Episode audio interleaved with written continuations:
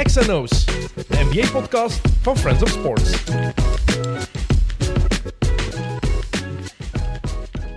Dag iedereen, welkom bij XNO's. De tweede ronde van de NBA Playoffs nadert zijn ontknoping en het is ongelooflijk spannend. 3-2 voor Atlanta tegen Philadelphia, 3-2 voor de Clippers tegen de Jazz en 3-3 tussen de Nets en de Bucks. Uh, het is vrijdag de 18e als we dit opnemen. Dan weet u meteen tot waar wij mee zijn.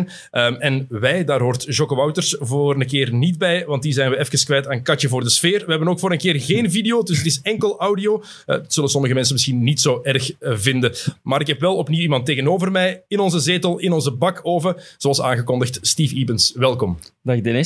Alles oké okay met u? Ja, prima hoor. Um, het is hier lekker warm. Maar ik moet zeggen, het valt mee in vergelijking met vorige week. Dus ja. Sava, sava. Um, we hebben ongeveer een uurtje. Dan moet jij weg. Je moet naar de nationale ploeg. Ja. Uh, we gaan het hebben over de playoffs. Maar wat ik me wel afvroeg, heb je al meer NBA-playoffs gezien of meer EK de afgelopen weken? Ik heb al uh, redelijk veel voetbal gezien, moet ik zeggen. Ik heb uh, genoten gisteren van de Belgen, vooral de tweede helft. Toen de Bruinen inkwam en dan ook Nederland waar ik toch wel, uh, ook wel een fan van ben. Dus uh, ja, het waren, het waren mooie, mooie momenten gisteren, een mooie avond. Ja, behalve de eerste helft tegen Denemarken, ja, dat was... Dat was uh, van mindere kwaliteit. Ik ben zo razend geweest. De enige ploeg waar ik nog echt voor supporter zijn de Rode Duivels en dan, dan komt dat toch helemaal terug. Hè. de Belgian Cats zijn ook aan het spelen op dit moment. Daar kunnen we dus weinig van zeggen, want we gaan, kunnen die match moeilijk dubbel volgen um, als we het over de playoffs willen hebben. Um, wat vond je eigenlijk van de playoffs in België? Playoffs in België vond ik uh, teleurstellend. In die zin, uh, ik denk dat Antwerp Giants onder zijn niveau heeft gepresteerd. Uh, daar had ik meer van verwacht. Ze hebben natuurlijk wel een moeilijk seizoen gehad met veel spelerswissels. Maar ik had ze toch competitiever verwacht. toch richting finale tegen Oostende. Mm -hmm. Uh, Mons heeft het goed gedaan met, met de mogelijkheden die ze hebben. Misschien uh, niet Belgisch genoeg, naar mijn mening toe. Uh, iets, enkel enkel iets, ja, Lambo, Lambo speelde eigenlijk een rol. Hè? En voor de rest was het iets te, te, veel buitenlands verhaal. Als je dat dan vergelijkt met Oostende, waar toch wel heel wat Belgen ja, op het parket zijn verschenen en, en toch weer een dominantie aan de dag hebben kunnen brengen.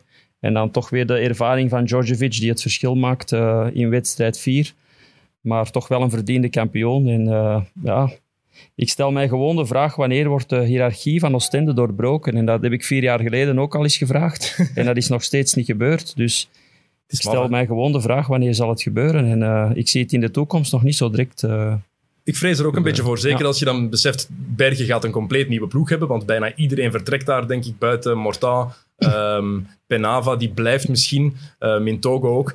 Het, het, wordt een uitdaging, alleszins. Uh, maar we gaan het over de NBA hebben. Die playoffs zijn op dit moment bezig. Uh, afgelopen nacht hebben de Milwaukee Bucks er 3-3 van gemaakt in de serie tussen de Nets en de Bucks, uiteraard. Um, voor ik over Game 6 ga beginnen, die laatste match, misschien even naar Game 5, want Kevin fucking Durant. Ja. je, je, je, kan alleen maar dat zeggen. Kevin fucking Durant. Wat de hel. Het was onwaarschijnlijk, vooral in het vierde kwartier. En uh, ze hadden ook aangekondigd van als Brooklyn een, een kans wil hebben, dan hebben ze een referentiewedstrijd nodig van Durant. Dan moet hij zichzelf nog meer overstijgen dan, uh, dan hij al uh, voor het moment aan het doen was. En dat heeft hij ook gedaan. 49 punten, 17 rebounds en dan nog een, een assist. Ja, dat, dat is natuurlijk een, een prestatie die ja, onwaarschijnlijk is. En hij heeft maar 23 shots genomen. En hij had er 50 dus, uh, moeten hebben. Ja, hij heeft er 50 van een vrijworp gemist. vrijworp op het ja, einde. Spijtig. Echt, echt, Maar hij heeft echt die referentiematch neergezet, omdat ze ook wisten van, oké, okay, Harden speelde op één been en, en Kyrie is niet aanwezig. Dan hebben ze in principe weinig kans om die serie te winnen. Tenzij Durant natuurlijk met een, uh, ja, een knalprestatie uitpakt. En dat heeft hij ook gedaan. En, en zoveel uh, critici en twijfelaars, tenminste mensen die twijfelden aan KD, die zeiden kan hij het wel ook alleen? Kan hij zijn ploeg wel eens zo alleen leiden? Ja, dat ja. wisten we eigenlijk al jaren, dat hij dat wel kon. heeft dat bewezen in playoffs van 2013. Toen Westbrook geblesseerd raakte, heeft hij zijn ploeg zelf voorbij de eerste ronde nog ge ge geleid tegen Houston. Het jaar daarna MVP geworden. Meer dan een half seizoen zonder Westbrook.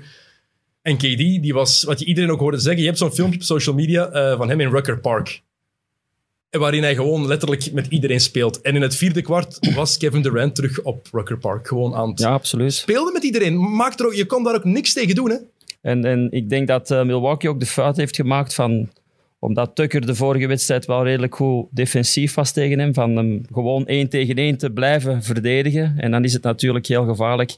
Eens dat zo'n man zijn ritme aanvallend heeft gevonden, is het heel moeilijk om hem af te stoppen in één tegen één. En ik denk dat ze daar uh, de fout hebben gemaakt om niet elke keer te gaan dobbelteamen. En eigenlijk de bal in, de, in iemand anders zijn handen te steken. Dus uh, ik denk... Uh... Ja, Joske, die regelt even de opname. Je mag de ventilator afzetten als het te luid in, als, we, als we te hard horen. We gaan hier sowieso zweten.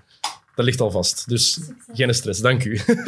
um, maar ja, ik vond het wel, ik vond het wel straf. Eén, um, je hebt dan James Harden, die speelt op één been. Je ziet dat ook, hoe die beweegt. Dat is niet de James Harden die we kennen.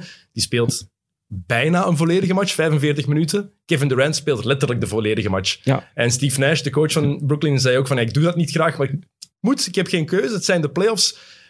Ja, kon niet anders, want hij weet ook van als hij wedstrijd 5 uh, had verloren, dan hadden ze sowieso uitgeschakeld geweest. Want ze hadden nooit wedstrijd 6 gewonnen in Milwaukee. En uh, hij had geen andere keuze. Het was een beetje al die do-or-die uh, situatie voor hem. Ze moesten absoluut die wedstrijd winnen. En dan had hij natuurlijk geen andere keuze om uh, Durant op het terrein te houden. En ook Harden heel veel minuten moeten maken. Gisteren ook 39 minuten gespeeld. Dus, dat vond ik een risico. Daar schrok ja. ik van. Ik dacht dat, niet dat Harden in game 6 zoveel minuten zou krijgen. Zeker toen je voelde dat het toch verloren was. Oké, okay, Brooklyn is lang blijven meedoen. Maar als ik Steve Nash was geweest, denk ik dat ik Harden er sneller had afgehaald. Ja, absoluut. En dan alles, alles op, op alles 7. voor Game 7. Ja, ja voilà. natuurlijk. En dan hopen dat Kyrie misschien kan spelen. Dat zal nog een vraagteken zijn. Maar als ze dan met de volledige ploeg, ook al zijn ze niet 100% fit, dan hebben ze toch grote winstkansen om wedstrijd 7 voor eigen publiek binnen te halen. Uh -huh. um, wat wel onbegrijpelijk bleef voor Game 6, dat Giannis Antetokounmpo geen seconde op Kevin Durant had verdedigd in het vierde kwart in de hele serie. Ja met alle respect, als je de voormalige Defensive Player of the Year bent, tweevoudig MVP, dat is de enige persoon die eigenlijk op KD kan verdedigen. Als je kijkt, lengte, snelheid, neem je verantwoordelijkheid. Hij heeft ook gezegd, ik ga het doen. Maar we waren al vijf matchen ver. Dat Boerenholzer dat ook niet. Want ik vind, iedereen wijst naar Janis. En ik snap dat dat inderdaad ook Janis een job is om dat zelf wat aan te passen. Moeten we niet eerst naar de coach wijzen en zeggen, Boerenholzer, pas dat aan. Ja, uw defensief schema. Dat heeft hij ook gezegd. Hè, ja. Ik heb die opdracht van de coach niet gekregen om dat te doen. Ja, voilà. Dus het is niet aan mij om het dan uh, te veranderen. Mm. Maar natuurlijk, ja, hij heeft het ideale profiel om uh, Durant te verdedigen. Want als er één iemand uh, het shot kan contesteren van Durant met zijn lengte, met zijn snelheid, dan is het, is het Janis om dat te doen. Ben je het er ook mee eens trouwens, ja, dat het niet aan hem is? Ja. Dat, hij, dat hij dat niet zelf nee. mag beslissen? Uiteindelijk moest dat bij LeBron zijn, die, zoals vorig jaar is gebeurd ook, in het vierde kwartier, nam hij elke keer zijn verantwoordelijkheid van oké, okay, ik ga die keyplayer nu, uh, nu verdedigen. En dat, uh, ja, dat heeft Janis niet gedaan en dat is een beetje spijtig dat hij daar een beetje zijn verantwoordelijkheid ontloopt van, omdat hij toch ook weet dat hij het ideale profiel is om spelers als Durant, ik zeg niet af te stoppen volledig, maar hij zou hem toch meer kunnen beperken dan uh, op die moment Tucker uh, zou kunnen doen met zijn beperkte lengte. Absoluut. En het is ook nu de moment voor Milwaukee. Als ze het nu niet halen, ze hebben echt geen enkel excuus meer. Kyrie elke basketter heeft zijn voet minstens één keer omgeslagen. Ja. Minstens. Uh, ik denk dat ik aan 60 keer in totaal slechte enkels. Maar iedereen weet hoe het... Als je dat ziet, je weet ook perfect... Dat is oké, die slaat terug. Die is terug binnen twee weken, binnen een week. Dat is oké. Okay.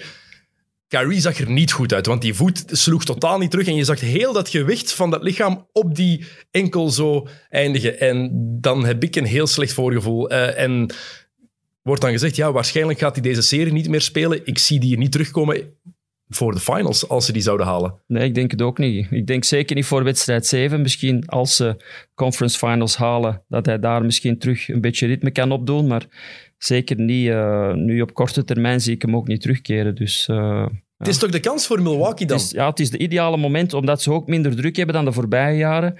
Toen ze telkens uh, als nummer 1 aan de playoffs zijn begonnen, met de beste record, was er heel veel druk op die ploeg. Ze hebben nu ook met, met Drew Holiday een betere point guard ja. dan in het verleden. Met Bledsoe. Dus Die het wel moeilijk wel... heeft in deze serie. Ja, maar ze hebben offensief dat toch wel toch? offensief. Maar ze hebben stappen wel gezet defensief met hem erbij. Mm -hmm. Dus denk ik wel dat ze... Dit jaar is het echt een moment, omdat Middleton, die ook heel goed speelt, gisteren 38 weer. Dus... Uh, want de Compo heeft echt wel een, een sidekick met Middleton, die toch al heel goede wedstrijden heeft gespeeld. Hij heeft er ook al minder gehad, maar uh, hij neemt wel zijn verantwoordelijkheid en het scorend vermogen is er zeker wel. Dus ze hebben minder druk op die schouders. Dus dit jaar is het wel de moment dat ze, ja, dat ze iets moeten kunnen doen. Want als ik even kijk naar de andere line-up tussen de Sixers en Atlanta, ja, daar liggen toch ook kansen voor Milwaukee om, om naar die finals te gaan. Ja, zeker. Maar langs de andere kant is echt minder druk. Door de blessure van Kyrie en doordat James Harden op 20% speelt, komt, neemt die druk wel weer toe. Ja, Want nu verwacht iedereen van, oké mannen, nu moeten jullie het wel doen. Want ik vraag me ook af, stel je voor dat het andersom was geweest, blessure bij Milwaukee, en niet bij, bij, bij Brooklyn. Dit was een droge sweep geweest. Ja. Elke match 30 punten verschil, Dat was het over en out al geweest, ja. Zelfs als ze gewoon gezond waren geweest. Als je de eerste twee matchen bekeek van de Nets zonder James Harden dan, Kyrie en KD gewoon allebei 100% of tegen 100%. Ja, het waren geen Ze wedstrijden. hadden geen antwoord, hè? Nee, ze Milwaukee. antwoord. Eh, wat ook opviel afgelopen nacht, van de 104 punten van de Bucks zijn er 89 gescoord door drie spelers. En dan komt daarbij, want er wordt vaak gewezen naar de kern, naar de spelers, komt daarbij Boerenholzer, die nog altijd Janis niet lang... ah, Als KD 48 minuten speelt, durft Janis ook meer dan 44, 45 minuten laten spelen. Dat is heel veel, ik weet het, maar het is het moment. En elk interview opnieuw, en je ziet dat ook aan uw manier van spelen, nou, we stick to our plan. Ik vind dat een verkeerd plan. Ja, soms moet je ja, je wedstrijdplan wijzigen en vooral ook eh, ja, naar, naar kleinere rotaties gaan. En dat, hij- dat, dat verwijten ze hem ook, dat hij te veel Antetokounmpo te lang op de bank laat. Dat hij nooit aan zijn 40 minuten komt. En eh, nu de laatste wedstrijden heeft hij dat wel moeten aanpassen. Ja, in Game 6 heeft hij ook maar eigenlijk Ja. met zes man gespeeld. Eigenlijk, en het werd ook tijd van, oké, nu durft hij dat toch doen. Ja, moet zijn rotaties kleiner maken. Je, kan niet meer met 12 wed- eh, mensen die ja, dit soort wedstrijden gaan spelen, omdat de kwaliteit er gewoon niet voldoende is. En je hebt echt die supersterren nodig. In playoffs heb je die echt heel lang nodig op het terrein. Zeker wanneer ze gezond zijn. Maar ik denk ook wel dat ze, Janis, nog, we hebben het al veel gezegd hier, maar het wordt meer duidelijker en duidelijker. In het reguliere seizoen kan je zeggen, ze zijn aan het zoeken naar het juiste systeem ook, maar ze gebruiken hem nog altijd verkeerd. Als ik Milwaukee zie spelen, ik wil Janis in de post zien, laat hem vandaar verdelen, laat hem vandaar zijn lengte en zijn kracht gebruiken, en los daarvan, laat die bal gaan. Ik denk dat er geen enkele ploeg nu nog in de playoffs is die, zo, die meer Europees zou moeten spelen als Milwaukee, als je snapt wat ik daarmee bedoel. Ik denk dat dat die ploeg veel beter zou maken als die bal effectief van speler naar speler zou vliegen. Middleton die naar de basket gaat, kick-out, en dat ze dat zo doen. Nu is het, de bal gaat naar Janis, hij pakt zijn stappen naar achter om die aanloop te hebben, en dan loopt hij zich vast. Ja. En dan merk je dat, dat, ze, dat ze drie, vier seconden verliezen in die aanval. En drie, vier seconden kunnen kostbaar zijn. En ja, en dan komt daar nog eens bij, je zit tegen een James Harden te spelen die niet kan bewegen. Zoek die op. Tuurlijk wel. Het is ook niet de beste verdediger. En als hij 100%. eh, als hij niet 100% fit is, dan, ja, dan is hij verdedigend nog beperkter. Dus je moet zeker die matchup met Harden gaan, eh, gaan uitspelen. Breng hem in de pick-and-roll, breng hem in de low post, maar ja, probeer hem eh, zeker zoveel mogelijk in defensieve acties te laten spelen, zodat hij nog minder energie heeft aanvallend, waar hij al een heel laag percentage shots had in, eh, in wedstrijd 5. Uh, dus ja, je moet zeker dat, uh, die, die mismatches gaan, gaan opzoeken, omdat Harden niet de beste verdediger is. Dus ja, het is, het is een zeer Europees getinte ploeg. Ik, heb, ik heb twee weken geleden nog met de scout gebeld van, van hun, in verband met Frans Blijenberg. En ze zoeken echt wel naar die Europese profielen, om, omdat ze niet zozeer bezig zijn met posities op het terrein, maar uh, echt wel spelers die zo een beetje van alles kunnen en, en de bal opbrengen en, en of bal spelen. Dus uh, daar zijn ze wel echt op, naar op zoek, naar dat soort profielen. Dus je zou zeggen dat ze toch wel die Europese tint uh, willen gaan gebruiken in de, in de toekomst. Nou, Boedenholzer, het systeem, dat werkt gewoon nog niet, nog niet goed genoeg, lijkt mij, als je, dat, als je dat zo ziet. En ook, als Janis de bal aan de top heeft en je wil hem gebruiken, dan is toch het moment, maakt niet uit op wie Harden verdedigt, neem die mee. Ja. Zoek die pick-and-roll op, Ja, zoals ze vroeger... Wat deed, wat deed Cleveland altijd met Stephen Curry? Ze zochten zeker toen in 2016, toen hij nog die, die mediale band van zijn knie had geblesseerd in de eerste ronde. Elke keer zochten ze die switch, omdat ze wisten, oké, Curry is gewoon de meest zwakke schakel van iedereen bij dit Golden State defensief. Dus moeten we daar naar op zoek gaan. En ik vind dat ze dat bij Milwaukee nog altijd te weinig doen. Ze hebben het al iets meer gedaan, maar ze kunnen daar nog meer Ja, die is, nadruk het, op dat is leggen, eigenlijk de trend in de playoffs. Als je NBA playoffs bekijkt, zoekt men altijd naar pick-and-roll situaties tegen de zwakste verdediger. En, en vorig jaar in de finals met de Lakers was dat niet anders. Dan werd elke keer die zwakste schakel uh, in de pick-and-roll gebracht tegen LeBron James en Anthony Davis, om, om op die manier die switch te gaan, uh, Mhm. te gaan uitlokken. En ja, dat is het meest efficiënte ook uh, in, in, in playoff situaties. Nu match 7 in, in Brooklyn. Wat zie jij daar gebeuren? Zie jij, zie jij het de Bucks effectief halen? Wel, ik denk het niet, want ik denk dat uh, James Harden een, een offensief een zeer goede wedstrijd gaat spelen. Durant gaat sowieso zijn, zijn, zijn punten maken, zijn wedstrijd spelen. Dus.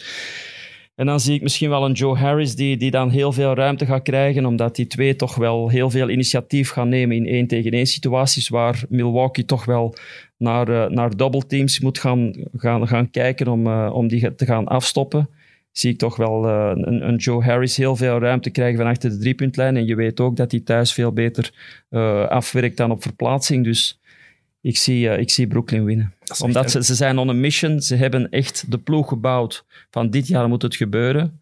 Een beetje wat de Lakers vorig jaar hebben gedaan. En, en ik denk dat ze die kans en vooral Harden niet wil laten liggen om nog eens ernaast te grijpen. Ja. Want volgend jaar, je weet nooit. Ze worden een dagje ouder en je weet nooit met blessures de NBA-playoffs voor het moment zijn, ja, zijn getekend door heel veel blessures van zeer goede spelers. Ja, absoluut. En je weet nooit wat eraan komt. Wat je met Harden wel natuurlijk hebt, op de beslissende match er staan, tijdens de beslissende match. In de playoffs gebeurt dat meestal niet. Als we kijken naar zijn track record, dat is gewoon negatief. Het is lang hij, geleden. Hij choked gewoon heel vaak. Hij valt gewoon, hij zakt gewoon heel vaak door het ijs op het moment dat het erop aankomt. Misschien is het nu de moment om dat te doorbreken, om de critici de mond te snoeren, wat in Houston niet gelukt is. Uh, ook een aantal jaar geleden terug tegen Golden State, waar ze die 0 op 27 ja. driepunters uh, gooiden. Dus dat was, dan hadden ze ook nog kunnen winnen, want ze verliezen die wedstrijd met minder dan 10 punten. Maar het is nu de moment aan Harden om, om heel veel mensen de mond te snoeren en te zeggen van oké, okay, game 7, nu ben ik er. Ik denk dat nu is het mijn moment. KD gaat opnieuw voor 50 gaan, denk ik. Ja, dat... Nog eens. Pff, nog eens, echt. Um, wat vind je eigenlijk van die vrijworpen van Janis Antetokounmpo? Want ik had een heel opmerkelijke stat gelezen. Um, in het eerste kwart van Game 6 heeft hij zeven vrijworpen gepakt. Ze hebben dat opgeteld, hoe lang dat effectief geduurd heeft, die zeven vrijworpen. Drie minuten, dertig seconden in totaal. Ja, hij heeft een violation gekregen, al is het van... Uh, ja, maar, het, is, maar dit ja. is, het wordt gewoon erger en erger. En ik heb het er vorige week met, met Jokken ook even over gehad je maakt het jezelf ook toch ook moeilijker als je Janis ja. bent. Je geeft jezelf meer tijd om na te denken. Doe dat twee dribbeltjes en, en, laat die bal vliegen. Ja, je moet echt op zoek naar een vast ritueel. Ik zeg dat ook al tegen mijn spelers. Probeer een vast ritueel te hebben met je vrijworpen. En probeer niet te veel te veranderen. En niet te veel na te denken aan die lijn. Want dan, hoe langer je nadenkt, hoe, hoe slechter het wordt. Dus uh, zijn ritueel ja, duurt gewoon veel te lang. Hij verandert het. En dan krijg je natuurlijk nog meer, uh, nog meer stress om die, die vrijworpen uh, binnen te shotten, die wel heel cruciaal zijn, want hij krijgt er wel heel wat. Dus -huh. uh, hij moet daar toch ja, stappen in zetten. LeBron James trouwens, ja ook nog altijd lage percentages van achter de vrijworplijn. Dit, dus, is, dit is onder de 50 onder de 50 bij. Dat is het straffen. De LeBron ja. is nooit onder de 50 nee. geweest. En Janis in het reguliere seizoen zat aan 70. Ik vind dit... Het is Shaquille O'Neal of Andre Drummond geworden ja. gewoon tegenwoordig. En dat zit puur in het kopje. Dat is, dat is mentaal, natuurlijk. Ja. Hoe meer men erover spreekt, hoe slechter het wordt. Net zoals penalties in het voetballen. Dat is ook, het is zo'n mentaal spelletje. Het is altijd heel gemakkelijk. Mensen zeggen dat vaak van ja, een vrijworp. Hoe, hoe moeilijk kan dat zijn? Ja. mensen die nooit gebasket hebben, wel gevoetbald hebben. De penalty. Hoe moeilijk kan dat zijn? Ja, ja tuurlijk. Allee, dat, is, dat is gewoon, het is, zo, het is zoiets moeilijks mentaal. Um, goed, andere serie in het oosten, Philadelphia-Atlanta. Um, Philly, the city of chokerly love. What the hell. Met alle respect, maar matchen 4 en 5, twee matchen die je nooit mag verliezen als je Philadelphia bent. En twee matchen die bewijzen waarom ze geen kampioen gaan worden. Ja, er hangt een beetje precies een vloek over Doc Rivers. Als je ziet die, closing games en vorig jaar juist hetzelfde tegen Denver. Met hele grote voorsprongen en nu weer 20 en, en 25 punten voor in, in de tweede helft, zelfs in het vierde kwartier 16 punten voor. En die wedstrijden niet naar je toe kunnen trekken. is ook wel een gebrek aan leadership op het terrein op die moment. Uh, ben Simmons die uh, met, met bricks gooit. Uh, als hij al eens gooit. Als hij al eens gooit. En ook zijn vrijworpen op het einde maken ze natuurlijk fouten op hem. Dus ja, er hangt een vloek over die ploeg om, om wedstrijden te kunnen afmaken. Want ze spelen soms heel goed basketbal. En het is ook de betere ploeg, Steve. Dat ja, ook. het is de betere ploeg. Philly is beter dan Atlanta. Ja. Als we er heel eerlijk en objectief naar kijken, is dat zo. Ze hadden match 4 moeten winnen. Ze hadden match 5 moeten winnen. Oké, okay, ze spelen zonder Danny Green. Die missen ze, want Danny Green is zo'n gemakkelijk slachtoffer waar mensen heel graag op kakken. Was vorig jaar bij de Lakers ook zo. Ja. Het is duidelijk dat elke ploeg waar hij speelt... Prijs wint. Ja, ja. het is, het is een, een speler die je altijd in je ploeg wil. Low maintenance, verdedigt hard, knalt zijn driepunter soms binnen. Lakers-fans gaan zeggen, ja, behalve bij ons toen in de playoffs, maar op belangrijke momenten stond hij er ook wel. Um, maar wat, um, match 6. Match 5 wil ik zeggen, die net gespeeld is. 25 punten voorsprong voor Philly met een dikke drie minuten nog te gaan in het derde kwart. Ehm, is dat de verdienste van Atlanta of het falen van Philadelphia? Nee, dat is het falen van Philadelphia. Hè. Dan moet je eigenlijk die bal onder je trui steken en, en kijken naar long offenses tussen de ja, 16 en 20 seconden. Ga naar een beat inside en dan als er daar een double teaming is, dan, dan zoek je je schutters op. Seth Curry die 36 punten maakt. Beter gaat hij niet spelen. Dus, die, uh, die, eerste helft die speelt fantastisch. Onwaarschijnlijk. Dus ja, probeer dan naar die long offenses. Dan moet je niet na drie, vier seconden gaan knallen om, om 30 punten te gaan uitlopen. Steek die bal onder je trui en, en speel die, die, ja, controleer die wedstrijd. En breng Atlanta niet terug in vertrouwen, want ze hebben een aantal speciale jongens lopen die, uh, ja, die wedstrijden kunnen beslissen op, op, op korte termijn. Dus en ze als, kunnen scoren, als, hè? Ja, als je Trey Young tegen hebt en uh, ja, hij voelt het in het vierde kwart, dan, uh, ja, dan kan het een moeilijk verhaal worden. Want, en dat is er ook gebeurd. Uh, ze, hebben, ze spelen gewoon niet intelligent genoeg. Het laatste kwartier, laatste 15 minuten van de reguliere speeltijd, hebben de Sixers 51 punten tegengekregen. Dat is te veel, hè? Als, 51 als defensieve goede ploeg normaal. Mhm. Uh -huh. normaal. En ook Tobias Harris, te weinig betrokken in het spel. Uh, ik vond het wel interessant wat Kenny Smith zei van uh, TNT. Die zei, um, we hebben ook al zo'n matchje gehad, in de playoffs ook. En dan gaat het de eerste drie quarters zo gemakkelijk, zo vanzelf. En dan ineens voel je dat die ploeg terug in de match komt en dan lukt het bij jou niet meer. En dan weet je niet meer wat je moet doen, omdat het allemaal zo vanzelf is gegaan. En ik snap wel wat hij daarmee wil zeggen ook. Het is inderdaad zo, als je zo die flow in het begin van de match hebt en je alles valt binnen, dan als het dan ineens niet meer lukt, dan heb je geen plan B meer. Ja, dan begin je heel veel naar elkaar te kijken, naar de coach, van dit kan toch niet waar zijn, dit kan toch niet gebeuren. En dan die andere ploeg heeft natuurlijk dat vertrouwen opgepikt van de vorige wedstrijd. En die hebben bloed geroken. En dan weet je ook dat uh, ja, elk shot dat, dat de tegenstander gaat nemen, dat binnenvalt. En dan, uh, ja, dan zie je die, die, die voorsprong zie je smelten als ijs. En dan word je nog nerveuzer. En dan ga je nog slechtere beslissingen nemen. En dan, uh, ja, dan komt er heel veel nervositeit en déjà vu gevoel van wat er de vorige wedstrijd is gebeurd. En, en Doc Rivers zeker. Ja, mentaal is het enorm moeilijk voor. Wat nu match 6 in Atlanta? Ja. Dat is geen cadeau voor Dat is geen cadeau, want vol huis, luid publiek. Uh, je weet ook, als Atlanta een vliegende start neemt, hoe mentaal sterk is een beat om, om terug te vechten. Uh -huh. Je weet ook dat hij al eens uh, ja, een mentale breakdown heeft. Die laatste lay bijvoorbeeld, dat hij mist in Atlanta. Ja, die moet er normaal altijd in. Die twee en, vrijworpen. En dan win je die wedstrijd. Ja. In match 5 mist hij die twee vrijworpen op het einde. Als Ja. hij die twee binnengooit, dan is het ook een, of kan het nog een ander verhaal Dan zijn. En die layup. Maar je ziet ook, hij is, die knieën zijn niet oké. Nee, hij heeft Hij- natuurlijk een scheurtje in zijn meniscus. Dus Maar je zag hem ook zijn andere knie blesseren op een gegeven moment, omdat hij zo overcompenseert. Voilà. En je zag hem dat hij daar verkeerd op landde, te veel gewicht op aan het zetten was. Dat is iets waar ze nog wel rekening mee gaan moeten houden. Langs de andere kant, Embiid en Curry waren de enige twee die in Game 5 bij Philly een field goal hebben gemaakt in de tweede helft. Ja, daarmee vrees ik er ook een beetje voor. Moest Philly doorgaan, dat het misschien niet een volwaardige finalist zou zijn. En dat ik denk dat dan Brooklyn of, of Milwaukee wel eens een, een vrijgeleide zou hebben in die, eh, in die conference finals om, eh, om eigenlijk gemakkelijk naar die finale te kunnen gaan. Dus misschien is het beter dat een, een, Atlanta dat op volle kracht kan spelen dan eh, ja, naar die conference final toch als verrassing. Hè? Niemand had eh, Atlanta eigenlijk verwacht in dit stadium van de playoffs. Uh, ook al hebben ze een leuke ploeg bijeengebracht. Maar ja, ze, ze presteren toch boven hun verwachting. Mm. Zeker, ze hebben een coachwissel doorgevoerd tijdens het seizoen. Dus, wat toch wel heel goed is meegevallen. Maar Atlanta had niemand, uh, als je voor het NBA-seizoen had gezegd van Atlanta gaat de finale spelen van de playoffs, ja, dan word je uitgelachen. Maar, Ja, dat is zo, dat is zo. De, de, kans is groot dat ze toch wel uh, ja, die conference finals gaan halen. Voor ik het over Atlanta even wil hebben, um, misschien nog wel even vermelden, Tobias Harris, dat die geen enkele field goal heeft gescoord in de tweede helft. Want ik wil het even over Ben Simmons zo meteen hebben. En terecht dat daarop gefocust wordt, want het is een van de uithangborden van die ploeg. Maar Tobias Harris is ook wel een quasi-max-player voor de Sixers. Die moet meer doen dan dat. Ja, hij, Daar moet je meer van verwachten. Tuurlijk. Hij wordt mee uh, aanzien als uh, een van de big three. Dus uh, hij heeft ook een zeer goed seizoen gespeeld aan de Doc Rivers. Het was lang geleden dat hij die performance nog heeft neergezet. Dus, maar nu in de playoffs is het natuurlijk ook wel tijd om, om zijn waarde te tonen. En, en de ploeg heeft hem echt nodig. Uh, hebben meer nodig dan vier punten van hem. En dan ja, Ben Simmons. Hè. Um, de vraag is, is hij wel de Robin voor Embiid's Batman? Um, offensief lijkt het zeker niet. Heeft in het vierde kwart van game 4 um, nul shots gepakt. In het vierde kwart van game 5 nul shots gepakt. Geen enkele. Heeft in deze playoffs alleen al 45 vrijworpen gemist. 45 vrijworpen, dat is meer dan sommige ploegen Ja. er gemist hebben. Shot minder dan 33% van op de vrijworplijn. Nu, je kan slecht shotten van op de vrijworplijn, maar als, je het, als het zo erg is, probeer het dan onderhands. En dat is geen grap, ik ben heel serieus. Hè. Als het dan zo erg is, doe het dan effectief onderhand, zodat die bal er misschien in gaat. Want erger, erger da- dan dit wordt het niet. Dan kan je...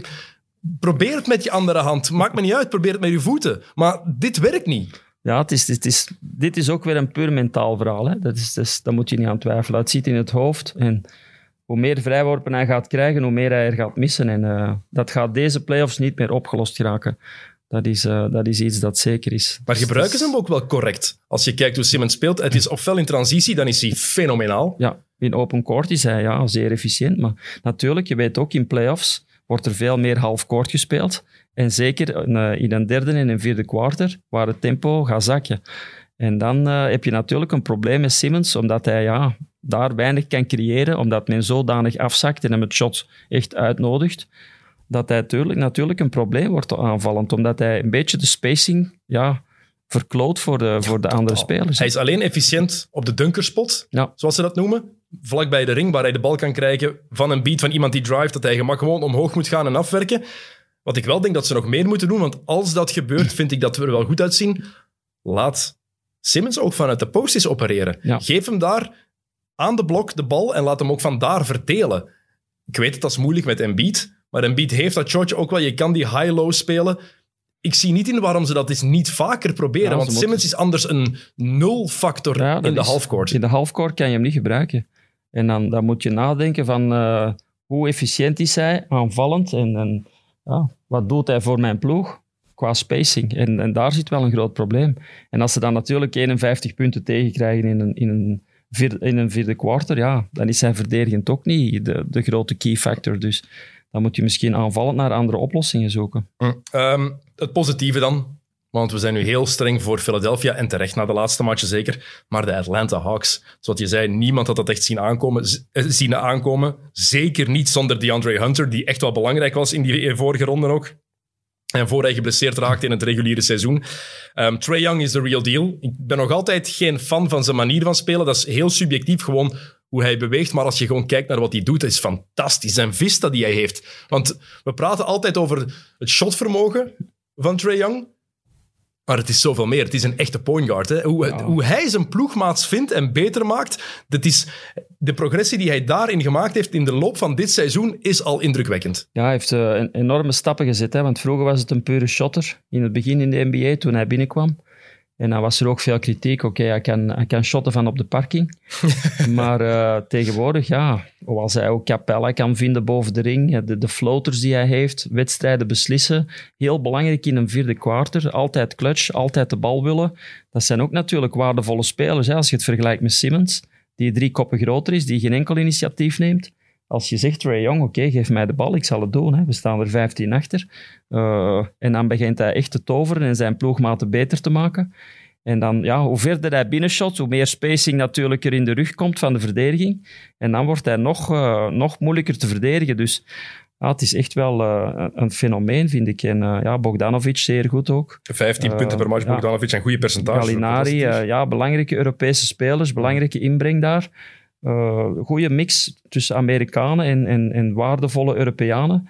Dus uh, ze hebben daar zeker wel een, een, een, stevig team. En heb je Clint Capella, die ja. niet onderschat mag worden, gewoon zijn aanwezigheid al onder de borden. Je hebt Okongwu, oké, okay, die speelt niet heel veel, maar die minuten die hij krijgt, is wel weer een big body dat je daar kan zetten. Ja. Komt er ook nog eens bij. En John Collins, die Collins. heel veel opraapt, die hustle player is. Die duidelijk aan het spelen is voor dat nieuwe contract, want hij heeft een contractverlenging geweigerd begin dit seizoen, omdat hij op zichzelf wilde wedden ja, dat ziet er voorlopig goed uit voor die ploeg. Ik denk dat we heel veel respect moeten hebben voor wat Nate McMillan gedaan heeft. Sinds hij heeft overgepakt van Lloyd Pierce. Um, die ploeg speelt leuk basketbal, ook met momenten. En vooral, het is niet gemakkelijk om match na match na match meer dan 15 punten achter te komen. Want de laatste twee matchen was het elke keer meer dan 20 punten. Maar ook de matchen daarvoor zijn ze vaak meer dan 15 punten achtergekomen. En elke keer tonen ze dat karakter om terug in die match te komen, ja. om zich terug te vechten. Dat, vecht, dat vergt veel energie. Wat mij opvalt is, ze spelen heel bevrijd. Ze stellen zich weinig vragen. En ze weten ook van, we zijn toch de underdog en, en alles wat we doen is eigenlijk goed. Ze krijgen heel weinig kritiek en ze krijgen heel weinig negatieve, negatieve aandacht ten opzichte van de andere ploegen waar veel meer druk ligt. Dus ze spelen bevrijd en, en ja, als de shots vallen, vallen ze en uh, we hebben niks te verliezen. Mm, en op die manier ja, spelen ze ook. En, en ze hebben echt een goede, een goede mix van, uh, van Amerikaanse inbreng en, en Europees, uh, Europees basketbal. Uh, het Westen dan, um, Utah tegen de Clippers. Heeft Utah een kans laten liggen in Game 5 zonder Kawhi Leonard? Ja, ik denk het wel. De, men had gezegd, oké, de Clippers hadden nog nooit gewonnen in Utah, zelfs niet met, uh, met Kawhi Leonard erbij. Nu is Kawhi out en ja, dat is de eerste keer dat ze, dat ze, dat ze kunnen winnen. Dus dat is zeker een gemiste kans voor Utah omdat ze toch uh, het seizoen gedomineerd hebben, vind ik persoonlijk. Ze hebben het reguliere seizoen gedomineerd. Ook in de playoffs zijn ze goed op dreef. En dan, ja, dan, dan vergeten ze toch nu al drie keer te winnen tegen de Clippers. Die toch wel mentale sterkte tonen, zowel tegen Dallas als nu. Toch wel mentale weerbaarheid. Nu zonder Kawhi. Ik weet niet of ze de serie gaan winnen. Maar ze hebben toch wel al karakter getoond om te laten zien van uh, we kunnen wel degelijk terugvechten uit een moeilijke positie. Voor mensen die niet weten wat er met Kawhi is gebeurd. Kawhi heeft zijn knie geblesseerd in wedstrijd 4. Uh, ehm, eerst was het een, verrekking van de knie. Nu blijkt dat het een uh, voorste kruisbandblessure is. Het is niet duidelijk of die afgescheurd is of gescheurd is of die daar een verrekking is, dat weten we nog niet. Voorlopig zeggen ze nog altijd knee strain, ACL injury. het is allemaal heel vaag natuurlijk. Je wil een beetje zand in de ogen strooien ook van, van de tegenstander. wat we ook wel bij moeten vermelden is de blessures bij Utah. Donovan Mitchell die heeft nog altijd last van die rechter enkel. Is daar echt voorzichtig mee. Ook in match 4 denk je dat hij even slecht niet neerkwam, maar hij stootte zich slecht af. En dan zag je die ook heel even weg uh, was het match 3 dat hij daar last van had? Ik weet niet meer precies welke match het was. En Mike Conley. Mike Conley, belangrijk. Hè? Die rustgevende factor is daar weg. En je kan dan nog een eerste ronde overleven, maar daarna merk je wel van oké, ze hebben dat echt wel nodig. Iemand die die rust in de keet kan houden tegen een ploeg als, als de Clippers. Ja, ze hebben een point guard hè, nodig hè, en, en, dat missen ze. Donovan Mitchell is een aanvallend fenomeen, maar je hebt ook wel een keer nodig die, ja, zoals Rondo vorig jaar heel belangrijk was voor de Lakers, op een zeker moment uh, ja, die die ploeg in goede banen kan blijven leiden. En Utah is een heel jaar lang een heel sterk collectief geweest. Met Mitchell natuurlijk als, als uitschieter, maar als je even naar die forward-positie kijkt met Joe Ingles en Bogdanovic, dat zijn niet de meest geweldige atleten, maar die zijn wel heel efficiënt in wat ze kunnen en wat ze niet kunnen, dat laten ze achterwege. Dus die weten perfect, Utah weet perfect waar hun sterktes liggen. En natuurlijk, als die belangrijke factor van die point positie wegvalt, dan heb je daar natuurlijk wel een, een probleem. Want dan komt er veel op Mitchell schouders, want hij moet nu verdelen, hij moet zijn ploeg leiden. En uh, dan voel je wel dat soms die organisatie een beetje zoek is. Dus ja, Conley wordt wel, uh, wordt wel degelijk gemist. En ze hebben al niet zo heel veel spelers die het verschil kunnen maken in Utah. Ze moeten het echt hebben van hun heel sterk collectief. Dus ja, daar wringt het schoentje wel wat om die, eh, om die series te kunnen winnen natuurlijk. En wat nu ook helpt, Tyron Lue, nadat hij weer twee matchen vreselijk aan het coachen was, uh, zoals hij blijkbaar in elke serie moet doen, de eerste twee matchen niet weten wat hij uh, met zijn ploeg uh, moet aanvangen, eindelijk beseft, ah, ik moet klein spelen tegen deze mannen. Want Rudy Gobert... Nou, die moet uit de bucket, hè? Voilà, dat helpt nu. Speel klein, speel met Marcus Morris op de vijf. Dat werkt tegen die ploeg. Pick en, pop, ja. ja. En Paul George. We zijn er kritisch voor geweest, en terecht dat we er kritisch voor zijn geweest. Maar dit was nu playoff P. Oké, in het vierde kwart van match 5 was hij meer dan de helft echt slecht. Bekijk het opnieuw, je gaat zien dat het zo is. Het is de enige clipper ooit nu met 35 punten, 15 rebounds en 5 assists minimum in een playoff match.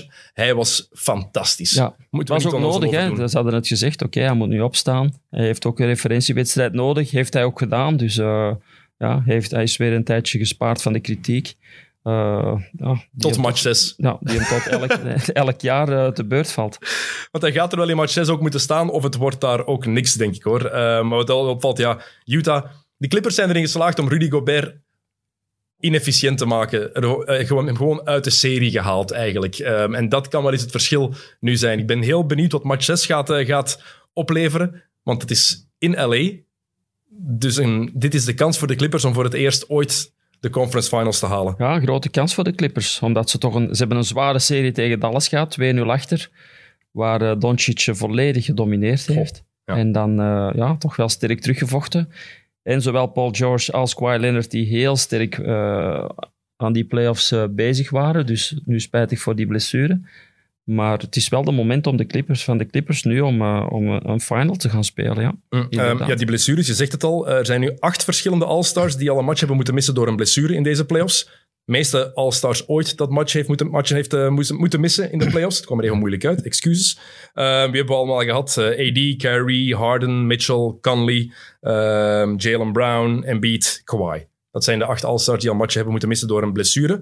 Want Chris Paul die heeft positief getest op COVID. COVID-19. Dus ook al, eh, je hebt dan ook al niet goed. Je hebt de blessure van Danny Green. Eh, LeBron die heeft daar heel wat kritiek op gehad. Die zegt van ja, eh, dit is geen part of the game. Jalen Rose is daar heel hard tegen ingegaan. Maar jawel, het is wel zo. Het is niet omdat het een korter seizoen is nu, dat het maar 72 matchen zijn, dat het niet part of the game is. Ehm, het is ergens heel dubbel. Ik denk, want ja, LeBron zegt van ja, we hadden moeten het meer rust moeten zijn. Gewoon daar ligt het aan. Maar er zijn ook wel heel wat spelers die wel meer rust hebben gehad. Het is, ik, vind, ik vind dat een heel moeilijke discussie, omdat ik denk van waarom zou het nu minder part of the game zijn dan vijf jaar geleden bijvoorbeeld? Ja, het is, is, er is veel discussie over vooral de rustperiodes die er tussen de twee seizoenen was. met de eerste bubbel en dan uh, het seizoen in december vrij vroeg terug begonnen. Dus eigenlijk hadden ze maar een week of zes rust gehad. Zelfs nog niet sommige ploegen die all the way zijn gegaan. Dus vandaar ook natuurlijk, met Anthony Davis kan je natuurlijk wel zeggen, oké, hij is dat niet gewend, want hij heeft zelden playoffs gespeeld of zelden zo ver gegaan. Dus hij had altijd heel lange rustperiodes tussen twee seizoenen. En nu was er heel korte tijd dat hij uh, eigenlijk terug aan de bak moest. Vandaar dat hij ook een, uh, ja, een beetje een off-season heeft gehad met heel veel miserie.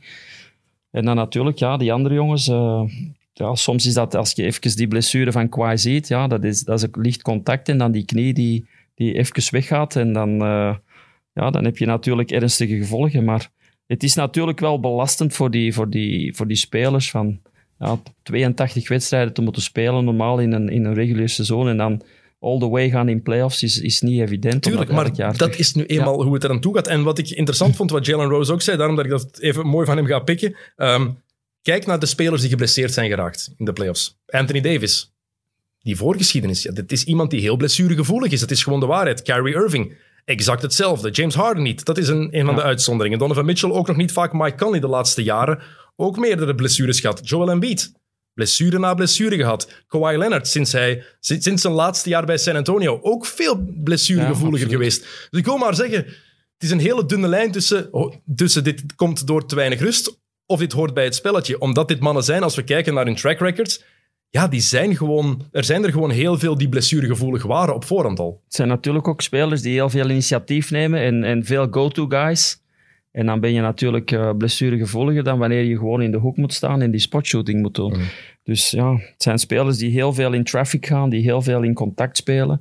En dat zijn natuurlijk de, ja, de meest uh, gevoelige spelers om, om snel geblesseerd te geraken. Als je dan al een lichaam hebt dat snel geblesseerd geraakt, ja, dan kom je natuurlijk in dat negatieve spiraal. Uh, Phoenix is al zeker van een plek in de conference finals. Uh, nu is de vraag, wordt het met of zonder Chris Paul? Als we net zeiden, Chris Paul positief getest op corona. Hij zou blijkbaar al wel gevaccineerd zijn in februari. Dat zou ook iets kunnen veranderen aan hoe dat allemaal gaat. Misschien dat hij er ja, minder last van heeft. Um, wij zijn geen specialisten, dus we gaan ook niet doen alsof. Er zijn genoeg mensen die dat wel graag doen, blijkbaar. de, de, pseudo-virologen. Uh, wij doen alleen alsof we bondscoach zijn voor het voetbal. dat is veel plezanter. Um, nu, de Suns die hopen sowieso op een Game 7 tussen Utah en de Clippers. Want die Game 7 zou dan voor zondag zijn. Wat zou betekenen dat zij tot dinsdag kunnen wachten om te spelen. Meer tijd voor Chris Paul. Morgen op zaterdag ondergaat hij een nieuwe test. Dus ik ben heel benieuwd wat dat gaat, uh, gaat opleveren. Maar ja, Chris Paul, je kan daarvan zeggen, heeft al gefaald in de playoffs. Dat is waar. Maar ik denk ook dat er weinig spelers zijn die individueel zoveel pech gehad hebben met blessures. Denk aan die hamstringblessure bij Houston in 2018. Denk aan um, die ook, ook hamstringblessure tegen, wie was het? Tegen San Antonio in de eerste ronde 2015. Ze schakelen de titelverdediger uit dankzij die, die floater van, van Paul tegen het bord over Tim Duncan. Ook daar weer blessure voor Chris Paul. En je kan je zoveel instanties terughalen waarin CP3 fysiek last heeft gekregen. En dan dit. Ja, van nu alles... tegen de Lakers. Hè? Tegen de Lakers had hij ook weer een lichte ja, blessure. Maar dit is een blessure, dat is al één ding. Maar dan positief testen op COVID-19, terwijl blijkbaar volgens iedereen in zijn entourage en de club is hij super voorzichtig, komt hij met niemand in contact en dan heeft hij weer die pech. Ja, het is, Echt? Ja, het is een beetje een, een doemscenario voor hem. Ik hoop dat hij uh, zeker en vast kan spelen, omdat hij toch een enorme impact heeft gehad op dat team. Hij heeft die ploeg echt zoveel beter gemaakt. Toch, en ook Devin normaal. Booker ja. uh, ontlast van die, van die point guard positie. Hij heeft DeAndre Aiden heeft hij 50% beter gemaakt. En uh, ze hebben hem ook nodig als floor leader en, en als ja, mentale leider van, de, van dat team. Dus ja, Phoenix heeft die, het is echt de kans voor Phoenix om dit jaar misschien wel de titel te pakken. Als Chris Paul ja, meedoet, als... is zijn ze voor mij een van de favorieten. Voor mij de favoriet. Omdat gewoon Kyrie Irving, ik zie die niet terugkomen met die enkel. En James Harden, zo'n hamstring, Ja. dat is heel delicaat. altijd maar terug, één, één verkeerde Ja. beweging even en het is, het is om zeep. Hè. Ehm, wat ik me wel afvraag, als ik deze serie zo zie, wat als de Suns Luka Doncic hadden gedraft in plaats van DeAndre Ayton? Dat Het is moeilijk, want dan dat gaat Chris dat Paul er niet naartoe. dubbel, ja, het is een beetje dubbel, want als je ziet nu hoe belangrijk dat guards zijn in, in, in, in basketbal. Dat was niet alleen nu, maar dat was vroeger ook. Als je echt goede guards hebt en je, hebt, je koppelt daar een goede center aan die mobiel is, en dan heb je forwards die goed kunnen verdedigen, die atletisch zijn, dan, ja, dan heb je een goed team. En, eh, en dat, Phoenix heeft gewoon een leuk team. Miles Leuk om- Bridges bijvoorbeeld, om te zien. ja, leuke speler. Leuke speler. Het is gewoon een, een goed, leuk team. Dario Saric, die doet wat hij doet. Eh, ja, heel efficiënt. Dus ze hebben gewoon ja, dit jaar de kans om, om, om, om iets te doen. En ze hebben Monty Williams. En ik denk Ja. dat er een coach is die je meer gunt dan Monty Williams. Mensen die het verhaal niet kennen, zoek het even op. De vrouw van Monty Williams is een paar jaar geleden eh, op een verschrikkelijke manier ehm, overleden. Ehm, en het was sowieso al iemand die hoog aangeschreven stond in de NBA. Iedereen had daar een zwak voor als mens. En die gunfactor is daardoor nog hoger geworden. Eh, Ook als je hoorde wat hij zei over Chris Paul. Van, hij was er voor mij op het ergste moment van mijn leven. Ja. En nu is hij op een van de is hij erbij bij een van de hoogtepunten uit mijn carrière. Heel mooi, die, eh, die relatie tussen die twee. Ehm, en dat, eh, ja, je gunt het Monty Williams echt wel. Eh, wat ik ook mooi vond trouwens, het respect tussen Chris Paul en Nikola Jokic en tussen DeAndre Ayton en Jokic. Vooral Paul en Jokic waren nog ook bitsig tegen elkaar op het veld. Echt hard tegen hard, waar ik van hou. Maar het werd afgefloten en dat is gedaan. Ja, zo moet Zo, maar zo moet het, maar dat is geen het. evidentie nee, meer. is geen Steve. evidentie. Nee. Als je ziet, hè, de, de, de finale in, eh, of de Mons tegen Antwerpen, Ja. dat was ook bitsig, maar dat blijft dan duren. En dat neemt dan mee naar de, volgende, naar de volgende wedstrijd. En dat is een beetje spijtig. Wat er tussen die lijnen gebeurt, dat mag hard zijn, dat mag, ja, er mag wat gepraat worden, maar dan, eens dat het signaal gedaan is, ja, dan, eh, dan stopt dat ook. Ja, Wat vond je trouwens van die uitsluiting van Jokic? Want er werd in de States heel- de hele tijd gezegd van ehm, de MVP sluit je niet uit. Ik vond het terecht eigenlijk. Ik vond het terecht. Ik ook. Ja. Het is gewoon slagen, niet, niet naar de bal. Het was gewoon, ja, Het was vooral denk ik het is ook gewoon terecht. de wind-up, zoals ze dat zeggen. Je kan even naar de bal slaan en dan compleet misslaan, of je kan een frustratiefout maken. Maar je zag hem van een kilometer afstand afkomen met zijn, Ja. met zijn arm omhoog van ik ga hem raken. Ik snapte het wel, de Ja, het uitsluiting. hoort niet thuis op een terrein. Dus ik vond het een terechte uitsluiting. Eh, wel cool beeld. Eh, wie dat niet gezien heeft, zoek dat even op. Eh, daarna had hij even, kwam Boeker even uitpakken ook. Ja. En de broers En van die Jokic, broers, ja, die broers, hey, die stonden klaar, hè? die waren klaar. Ze. Jokic en broers zijn allebei fantastisch. Echt zijn monsters die je Ja. niet, die je Die niet wil je niet tegenkomen. tegenkomen in het donker. Heb je die Suns in Ford Dude gezien? Nee. Er was een gevecht geweest in ehm, de thuishaven van de Suns. Ik ben vergeten hoe die zaal heet, want die zaal die verandert te vaak van naam. Ehm, en een Suns supporter was daar aan het vechten met een Nugget supporter. En die Nugget supporter, jonge gast, die zelf begon uit te halen. En dan ineens in een headlock werd genomen en daar echt het pak rammel van zijn leven heeft gekregen. Eh, en die kerel die eindigde met naar de camera ook heel te zeggen en naar die gasten, "Fun- Suns in 4, Suns in 4. Maar het was tijdens match 2. En de spelers hebben het live zien gebeuren. Ineens, ze stonden genoeg voor, ineens merkten ze commotie op. Dus blijkbaar, Jay Crowder vertelde dat, hebben ze live gezien wat daar gebeurde. Nu heeft Devin Booker meteen gezegd van, ik moet die gast vinden. Heeft hem gevonden, ehm, gesigneerd shirt opgestuurd en tickets voor de conference finals gratis gegeven. Toch nog iets. Ja, echt. Zoek het op. Suns in 4, dude. Zoek het filmpje op. Ik, eh, niemand stimuleert hier geweld. Nee. Helemaal niet. Maar deze gast die verdedigde wel die, zichzelf. En in Amerika is iemand in elkaar slaan blijkbaar wat meer toegelaten dan hier. Ik ga het bekijken. het, is, het is echt de moeite. Eh, nog een paar quick hits, want ik ga je binnen dit en 10 minuten laten vertrekken, Steve. Ehm, er zijn problemen in Dallas. Grote problemen in Dallas. Donnie Nelson, de general manager of de sportieve baas daar, is ontslagen. 24 jaar dienst. Ja, en iemand die, waar Luka Doncic heel close mee was, eh, zoon van de grote Don Nelson, ehm, de ontdekker ook mee van Dirk Nowitzki. Ja. Die is daar buiten, is hij niet blij mee. En gisteravond ook bekend geraakt dat Rick Carlisle de eer aan zichzelf houdt. Oei. Ja, ja, die is ook opgestapt nu, zelf opgestapt. Ehm Luca die had blijkbaar problemen met hoe Carlisle omging met mensen, hoe hij andere mensen behandelde. Ehm, hij is niet opgezet met het ontslag van nu van Donnie Nelson. Dus dat de coach weggaat, kan misschien daar Ja, ja. kunnen ze proberen, heb ik proberen goed maken. Maar ook, hij wil voorlopig, dat zijn de laatste berichten, voorlopig wil hij nog geen gesprek aangaan voor een contractverlenging. Dat is natuurlijk wel, ja... Want het is een contract zal eindigen volgend jaar. Ja, maar nu, hij, is wel, hij wordt dan wel normaal gezien, als ik me niet vergis, restricted free agent. Dus ze kunnen alles matchen. Maar een speler, we weten dat in 2021, die weg wil bij een ploeg, die geraakt weg bij Ja, die ploeg. moet je laten gaan ook. Want je kan hem niet gefrustreerd daar laten. En dan moet je, ja... Natuurlijk, de relatie met Porzingis is ook een beetje onder druk gekomen. Ja, Omdat Porzingis vindt dat eh Doncic te veel do- baldominant is. Maar ja, die, die zoekt ook excuses natuurlijk voor zijn mindere prestaties. Dus dan zoek je dat al wel eens bij iemand anders. Porzingis Dus, eh, pakte deze playoffs vijf rebounds per match. Ja. Ik denk als ik zoveel minuten zou spelen, dat ik ook vijf rebounds per match pakte. Ja, in een tuurlijk, NBA-match. dus, eh, als, je, als ik 2 meter 21 ben, zeker. Hij moet, eh, hij moet het vooral bij zichzelf zoeken. Maar je weet hoe dat spelers zijn. Dan zoeken ze al eens gauw eh, de zwarte piet bij iemand anders. Mhm. Dus, en dat is hier wel, eh, wel het geval. Dus eh, ja, toch wel interessant om te blijven opvolgen. Want pak eh Doncic weg in Dallas en dan, eh, dan wordt het een probleem. Absoluut, het is, dat is hun toekomst. Ja, tuurlijk. Zonder Doncic wordt het niet, niks. Ehm, ook in New Orleans hebben ze een probleem, meerdere problemen, want er gaan geruchten, doen geruchten de ronde dat als er één club is die de komende tien jaar zou verhuizen, dat het de Pelicans zijn. Dat zij weg zouden zijn, want New Orleans en basketbal, blijkbaar is dat nog altijd heel moeilijk. En nu hebben de familieleden, of bepaalde familieleden van Zion Williamson, ehm, laten merken, laten doorschemeren dat ze hem liever bij een andere club willen zien. Want de Pelicans hebben nog geen juiste ploeg rond hem gebouwd. Die kerel zit twee jaar in de NBA. Ik denk dat ze heel kalm moeten zijn, die, die familieleden. Ja, plus het eerste jaar was hij ook veel geblesseerd. Ook Ze al. hebben nu uh, Stan van Gundy ook ontslagen. Ja. Dus uh, ja, de, het trommelt er daar toch wel een beetje. En uh, kijken wat, uh, wat Mellow Ball gaat doen. Dus ja, het is, het is, het is, ze zijn nog aan het zoeken naar, naar de juiste chemistry, denk ik. Om, om daar toch iets neer te zetten. Want ze hebben wel wat interessante spelers natuurlijk. Hmm.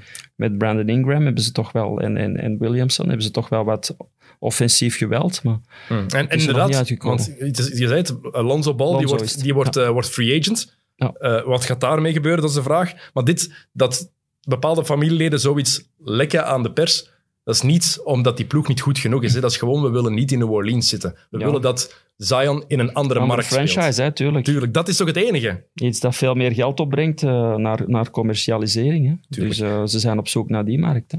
Eh, nog twee dingen. Jay, Sean Tate, all-rookie first team. Ja, Vind ik chic. mooie verrassing, want hij kwam van de bank in Antwerpen. Dus Amai. dat zegt genoeg. Hij was Echt? zesde man in- bij de Giants in hun, in hun topjaar. Dus, en hij is nu in de NBA. Wat een progressie dat die Ja, gemaakt heeft. fantastisch. Ja. Onwaarschijnlijk. Ehm, en nog een eh, ander nieuwtje, net eh, een uur geleden binnengekomen. Kemba Walker van de Boston Celtics naar OKC met de 16e pick. Ja, OKC heeft opnieuw een eerste ronde pick. Met eh, een tweede ronde pick uit 2025. eh Al Horford, Moses Brown en een tweede ronde pick uit, 19, uit 2023 gaan naar Boston. Boston maakt eigenlijk gewoon ruimte vrij om op de free agent markt iemand anders te kunnen ja, aantrekken. ze hebben budget nodig. Om, eh, ze moeten iets doen. En Kemba Walker heeft, nooit niet, eh, ja, heeft het nooit niet waargemaakt. Zoals ook Kyrie het niet heeft waargemaakt bij Boston. Dus ja, wat is daar het probleem op de point guard? Ja, Kemba heeft meteen die knieblessure gehad. Hè. Ja. Is nooit fit geweest bij Boston. En dat is een groot probleem, inderdaad. Maar ik ben heel benieuwd wat ze nu gaan doen. Gaan ze Horford, gaan ze dat contract uitkopen? Gaan ze dat gebruiken als trade asset? Want Horford heeft een aflopend contract. Dat kan interessant zijn voor sommige ploegen. Wat gaat er met Kemba gebeuren bij OKC? Want die gaan ze daar ook niet gebruiken, hoor. Nee. Heel benieuwd wat het gaat worden. Oké, Steve. Je gaat op tijd zijn. Oké, top. En dan kunnen wij weg uit deze sauna, want het is hier, Het is hier zeer warm. het is hier zeer warm. Bedankt dat je er was. We kijken wij zijn er volgende eh, week. de nieuwe Belgische talenten. Hè? Ja, Misschien ons eerste Belg in de NBA, wie weet. Laten we, ons hopen. Laten we het hopen. 29 juli is de draft. Ik ben Ja. heel, Ja, heel... ik ben heel benieuwd. Hij is nu in, eh, in Amerika, denk ik, al enkele try-outs aan het doen ons. Dus Maar je hebt gezegd, je hebt gebeld met scout van Milwaukee. Is daar effectief interesse in hem? ik heb met Milwaukee gebeld, ik heb met Denver gebeld, ik heb gisteren met Grizzlies gebeld. Dus En ze zijn effectief geïnteresseerd in zijn ja, profiel. want ze, ze willen echt alles weten. Oké. Dus ze zijn echt, eh, ja, ze willen tot zelfs wat hij eet en, en drinkt. En het, is, het is echt absurd te vragen. Dus ja, ze, ze zien hem een beetje als, eh, ja, misschien de, de pick-up, de pick-up pick. Ja, laat ons hopen. Het zou heel cool zijn. Het zou heel cool zijn. zou mooi 29 juli, dan Ja. is het draft. Dus We kijken nog er naar uit. Ik ook, ik ook. Goed, Steve, bedankt dat je er was. Eh, ik bedank u voor het luisteren, eh, dames en heren. Eh, normaal gezien zijn we volgende week ook terug met video. Ehm, maar we houden u op de hoogte. Als er belangrijke dingen gebeuren, dan proberen we iets in te plannen. Tot de volgende keer.